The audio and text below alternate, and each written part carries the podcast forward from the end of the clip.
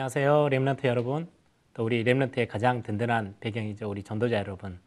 오늘도 함께 기도 수업 어, 우리가 말씀을 가지고 짧은 시간이 되겠지만 귀한 묵상과 함께 어, 하나님을 바라보면서 오늘 하루 우리가 꼭 붙잡아야 될 하나님이 주신 힘, 또 하나님이 우리에게 예비해 놓으신 오늘 우리가 놓치지 말아야 될 응답, 어, 오늘 말씀 통해서 같이 함께 나누고 붙잡기를 원합니다.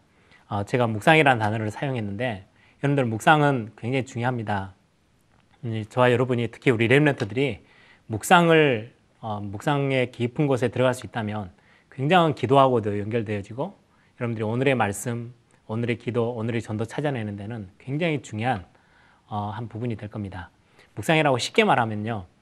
어떤 많은 의사들 또 이렇게 학자들이 그런 이야기를 하죠. 책에도 요즘 들어서 어, 심호흡하는 게 길게 이렇게 깊은 숨을 쉬는 게 굉장히 우리 건강에 육신의 건강에 좋대요.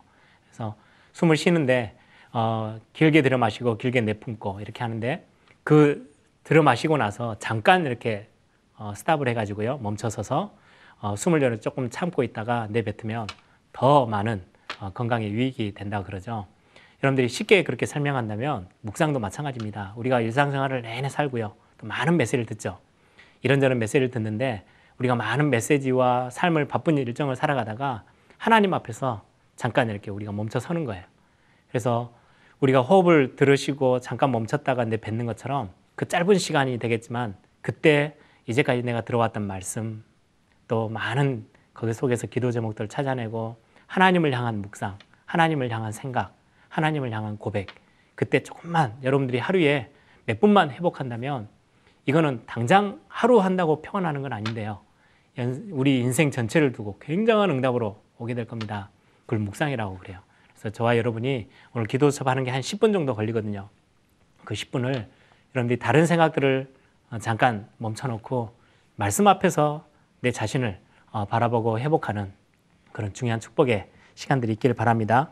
오늘 제목은 그리스도 안에 있는 동역자라는 제목입니다. 바울이 가장 많은 어떤 서신서를 기록하면서 제일 많이 기록한 단어가 그리스도 안에서 그리스도라는 단어인데요.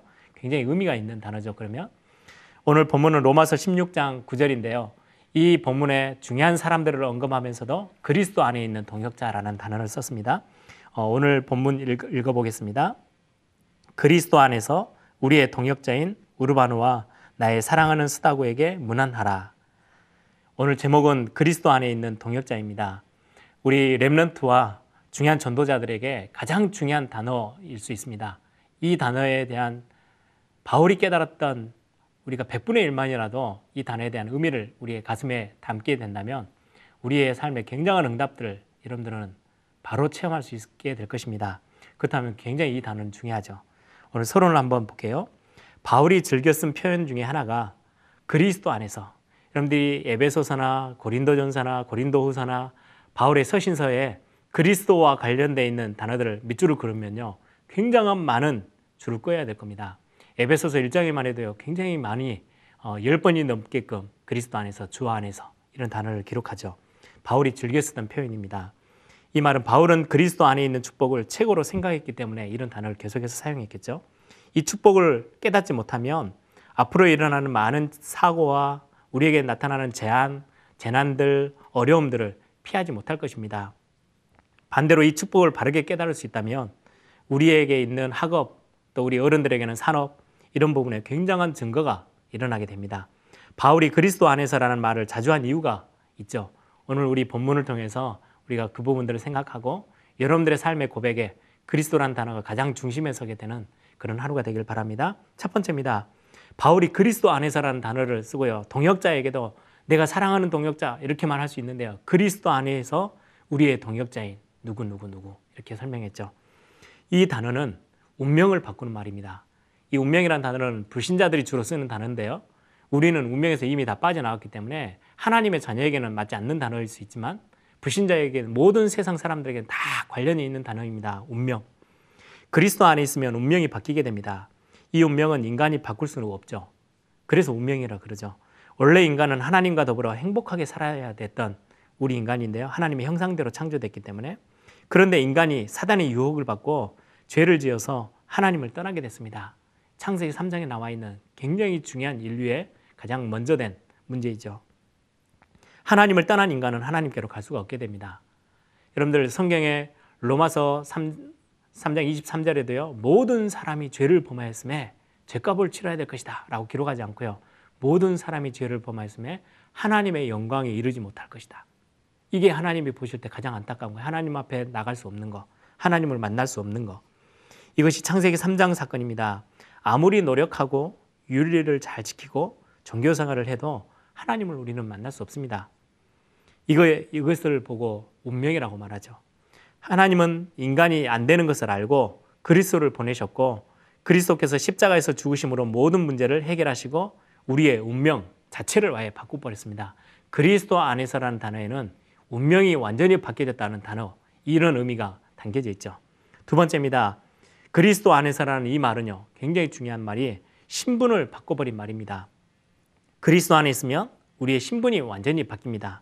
그런데 대부분의 기독교인들은 신분이 바뀐 것을 모르고 있어서 응답도 못 받고요. 이리저리 불신자처럼 똑같은 삶을 더 방황하면서 살고 있는 게 현실입니다. 우리는 신분이 완전히 바뀌어 있는 어디 안에서요? 그리스도 안에서. 사단에게 속아 죄를 지었지만 그리스도 안에서 우리의 신분은 완전히 바뀌었습니다.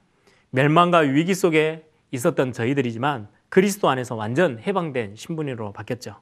아무리 누명을 쓰고 어려움을 당해도 초대교회처럼 그리스도를 고백하며 승리하는 신분으로 바뀐 것입니다.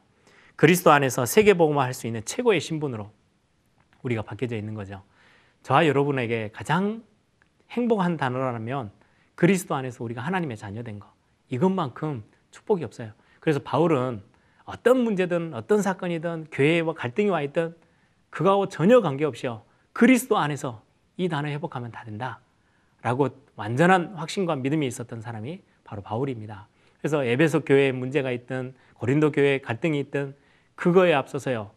제일 먼저 고백했던 게 그리스도 안에서 그리스도 안에서 이 단어를 제일 많이 사용했죠. 마지막 세 번째는요. 이 그리스도 안에서란 단어는 권세를 바꿔버린 말입니다. 우리는 아무 힘이 없잖아요. 그리스도 안에 있으면 권세가 바뀝니다. 예전에는 우리의 능력, 내 자신의 능력을 가지고 해야 되겠지만 이제는 하나님의 자녀된 권세가 우리에게 주어졌습니다. 어디 안에서요? 그리스도 안에서. 이 권세를 그리스도 안에 있는 동역자가 된 거죠. 우리 서로 서로가 그리스도 안에 들어오면 모든 자가 하나님의 계획을 이루는 한 몸이 되어집니다. 예전에는 따로따로였지만 성격도 다르고 다 다르지만 이제는 그 다른 것들을 하나로 뭉쳐질 수 있는 한 몸, 원네스라는 단어가 통하는 굉장히 중요한 그리스도 안에서 우리가 같이 하나가 되어지는 축복이 있죠.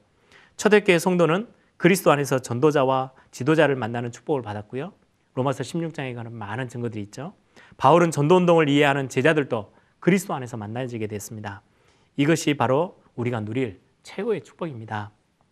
말씀을 정리하겠습니다. 어, 여러분들 오늘 본문을 통해서 그냥 단순히 아 그리스도 안에서 참 중요한 거구나 라고 넘어가면요 아무 소용이 없어요. 그건 당연한 거예요. 그런데 이걸 개인화시킬 수 있는 축복을 찾아내야 돼요. 저와 여러분이 그리스도 안에서란 단어 속에서 나는 그러면 내 운명, 나에게 와 있는 굉장히 중요한 신분, 내가 누려야 될 권세, 이게 구체적으로 무엇인지 여러분들 오늘 하루 생각하고 잠깐의 묵상을 통해서 깊이 여러분들의 것으로 만들기를 바랍니다. 오늘 포럼의 주제입니다. 그리스도 안에 있으면 질병도 우리가 가지고 있는 가난도 무능도 문제될 것이 없게 됩니다. 그리스도 안에 있는 축복을 기도로 한번 여러분들이 실제 여러분들이 개인화시킬 수 있는 답으로 찾아 누려보기를 바랍니다. 특히 오늘은 어, 이번 주에는 목회 대학원이 있죠. 또 미국에서는 계속해서 우리 RCA와 또 선교 대회 또 그거와 마찬가지로 언약의 여정 우리 뮤지컬이 계속해서 준비되고 있습니다. 저와 여러분이 우리가 전도자가 맞고 또 그리스도 안에서 하나가 되어졌기 때문에 전 세계에 일어날 세계 복음화를 놓고 어, 정말 중요한 렘넌트 운동을 두고 특히 우리 목사님들이 굉장히 중요한 말씀을 받고 교회에 적용되어지고 현장에 적용되어지는 목회 대학을 놓고 기도해야 되겠습니다. 함께 기도하겠습니다.